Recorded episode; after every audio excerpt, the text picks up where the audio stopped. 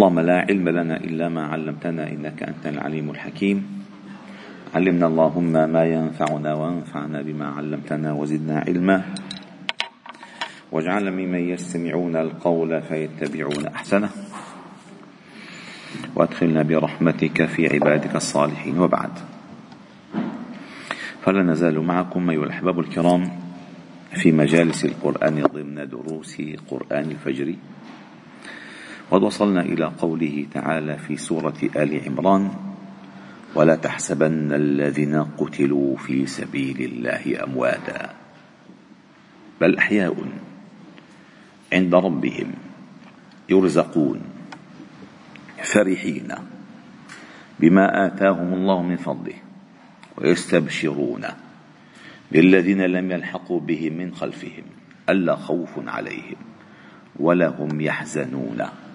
يستبشرون بنعمة من الله وفضل وأن الله لا يضيع أجر المؤمنين. هذه الآيات أيها الأحباب الكرام مدرسة مدرسة. وعندما سنخوض فيها ستكتشفون هذه المعالم التي أراد الله تعالى أن يقيمها وهذه الأجزيات الكبيرة والأعطيات الضخمة التي خصها لمن قتل في سبيل الله. أولا الله جل جلاله ما أراد لأحد أن يظن أن يظن أو أن يحسب أنه من قتل في سبيل الله فقد مات. هذا أول شيء مخيف. لأن عادة يموت موت. فالله جل جلاله أراد أن ينزع هذا المفهوم من أذهان الناس. أنه من قتل في سبيل الله فقد حيي. فقد حيي. وإنما خرج من الموت ولم يذهب إلى الموت. فخروج الإنسان من الحياة عادة الخانة التي تنتظره بعد خروج من الحياة الموت. الله تعالى قال لك إياك أن تظن ذلك. فهؤلاء المقاتلون في سبيل الله عندما خرجوا من هذه الحياة خرجوا إلى الحياة الحقيقية. بدليل أنه قال بل أحياء عند ربهم. عند ربهم. يعني أخذوا المنزلة منزلة القربة فهم عند ربهم أحياء. يعني كانوا عند الدنيا أموات. ما كان ذكر موجود. فاختاروا اختاروا الرحلة الرحلة رقم في سبيل الله فوصلوا إلى محطة عند ربهم. هذه كثير مهمة. ولا تحسبن. إياك تظن. وفي قراءة ولا يحسبن.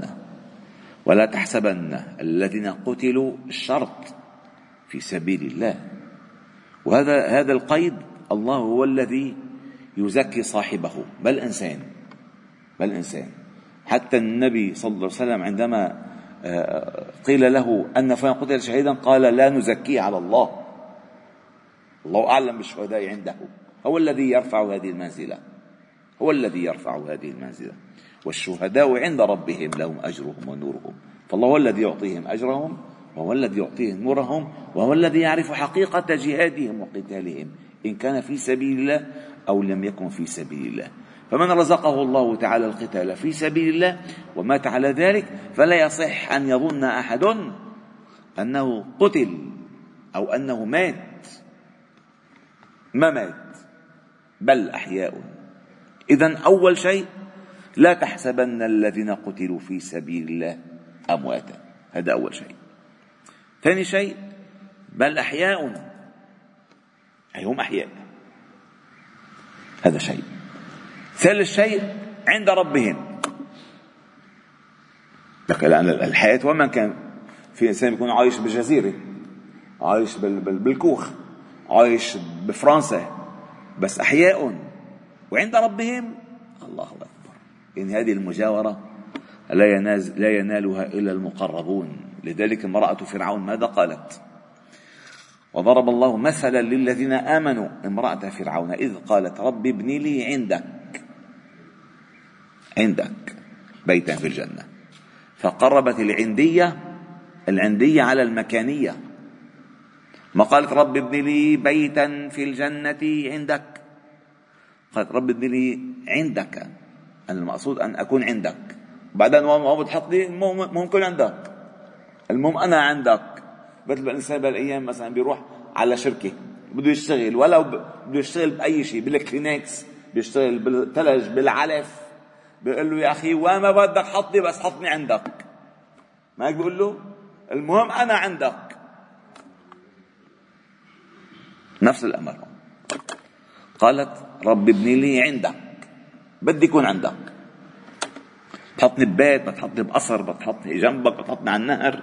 المهم كون أنا عندك. فهذه الأجزية الثالثة. أولا ممنوع تقول عنهم أموات يجب أن تعتقد لأن بل أحياء إن هذا تقرير بل أحياء الثالثة عند ربهم. عند ربهم. الرابعة يرزقون. إن هذه الآية فيها أربع بشارات. يرزقون. يعني ما بس ما تقول عنهم أموات بس هن هم أحياء وعند ربهم وشو؟ يرزقون. عادة الإنسان بيموت بينقطع كل شيء. بأصفوا له رزقه وبياخذوا له ممتلكاته هو بلشت رزقته.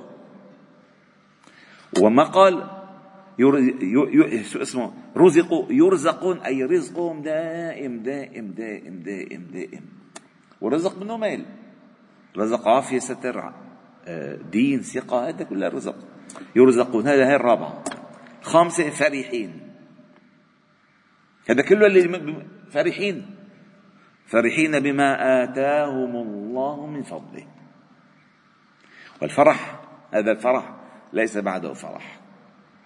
وسنقرأ لكم حديثين في موضوع الجهاد في أو من قتل في سبيل الله يعني يبين هذا هذا المعنى. قال فرحين. بما آتاهم الله من فضله ويستبشرون. هالسادسة هالسادسة ويستبشرون بالذين لم يلحقوا بهم من خلفهم ألا خوف عليهم ولا هم يحزنون. يستبشرون مرة ثانية بنعمة من الله وفضل وأن الله لا يضيع أجر المحسنين. الله أكبر. الله أكبر. فعلا عطاء ليس بعد عطاء. فلذلك أعداء الإسلام على مر التاريخ بيستغربوا. لما بيقاتلوا المسلمين. يا عمي عندهم حب للموت أكثر من حب للحياة. لأن يعرفون أن في هذا الموت على هذه الطريقة هي الحياة. هي الحياة. هلا مثلا مين بالمسلمين على مر على آه، كل هالأيام؟ من أيامنا؟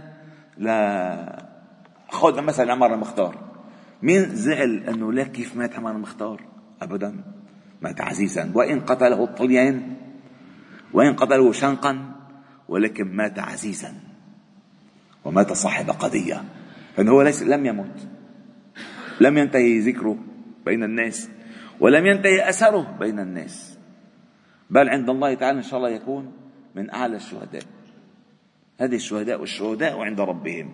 لهم اجرهم ونورهم. فقال علي ما سألنا ابن مسعود عن هذه الآية ولا تحسبن الذين قتلوا في سبيل الله أمواتا بل أحياء عند ربهم يرزقون.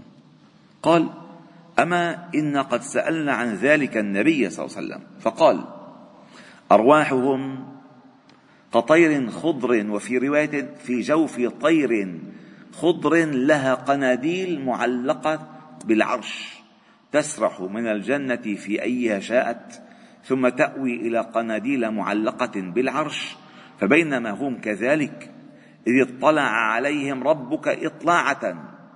سماهم مثل القيامة سماهم مثل القيامة يعني دخلوا الجنة قبل الناس بأرواحهم بأرواحهم نحكي لأن أرواح معلقة. قال إذ اطلع عليهم ربك إطلاعة. فقال سلوني ما شئتم. بعد كل شيء قال سلوني ما شئتم. قالوا يا ربي كيف نسألك؟ ونحن نسرح في الجنة في أيها شئنا. ما أنا يعني تصور أنت دخلت بل بل بل بالخيال عم نحكي بالخيال. أنت حاطط عينك مثلا على بناية ضخمة. بناية ضخمة بيطلع لك فيها شقة. أه؟ وبتتسلم الشقة بعد سنة. اجى صاحب البيت قال لك لك هيك مفتاح هذا مفتاح البناية روح اسرع بهالشقة كيف ما بدك. ما في حدا بهالبناية إلا أنت. تصور هالعطاء يلي شاعر فيه صاحب المعلقة روحه بحواس طير الخضر عم يسرح بالجنة ما في إلا هو. ويلي مثله. ويلي مثله. فقالوا كيف نسألك ونحن نسرح في الجنة في أيها شئنا؟ فلما رأوا أن لا يتركوا من أن يسألوا شيئا قالوا يا ربي. إلا, السؤال نعم. قالوا يا ربي. إنا نسألك أن ترد أرواحنا إلى أجسادنا. نقتل في سبيلك مرة أخرى. يا الله ليش؟ لعظيم ما رأوا. إذا هيك القضية؟ يا ريت على طول هيك نموت ردنا للموت لنطلع مرة ثانية هيك. سبحان الله سبحان الله سبحان الله. الله. ثم قال في حديث آخر قال لما أصيب إخوانكم قال النبي صلى الله عليه وسلم لما أصيب إخوانكم يوم أحد. يعني كيف شوف نهاية الآيات عن أحد كيف الله عم يلاطفهم يأنسهم يمسح لهم جروحاتهم. يمسح لهم جروحاتهم هيك قال لما أصيب إخوانكم يوم أحد جعل الله عز وجل أرواحهم في أجواف طير خضر. تريد أنهار الجنة وتأكل من ثمارها وتسرح من الجنة حيث شاءت وتأوي إلى قناديل من تحت إلى قناديل من ذهب تحت العرش. فلما رأوا طيب مقيلهم ومطعمهم ومشربهم ورأوا ما أعد الله لهم من الكرامة قالوا يا, يا ليت قومنا يعلمون. ما نحن فيه من النعيم وما صنع الله بنا كي يرغبوا في الجهاد ولا يتكلوا عنه. فقال الله عز وجل أنا مخبر عنكم ومبلغ إخوانكم ففرحوا بذلك واستبشروا فأنزل الله تعالى هذه الايات الله أكبر. يعني هذا الآيات بلاغ من الله للناس. انه اللي ماتوا وين حطيتهم وقال قال سمعت جابر بن عبد الله يقول لقيني النبي صلى الله عليه وسلم. فقال يا جابر ما لي أراك منكسرا؟ قلت يا رسول الله استشهد أبي. أبوه بالمعركه في أحد استشهد أبي وترك عيالا ودينا. قال أفلا أبشرك بما لقي الله به, به أباك؟ قلت بلى يا رسول الله. قال ما كلم الله تعالى احدا قط إلا من وراء حجاب. وإنه أحيا أباك فكلمه كفاحا يعني مباشرة. قال يا عبدي تمن علي أعطك. فقال يا ربي أحيني فأقتل فيك الثانية. قال الله تعالى إنه قد سبق مني أنهم لا يرجعون. الله أكبر. والحمد لله رب العالمين. سبحان ربي بحمدك أشهد أن لا إله إلا أنت. نستغفر ونتوب إليك. وصلي وسلم وبارك على محمد وعلى آله وأصحابه أجمعين. والحمد لله رب العالمين.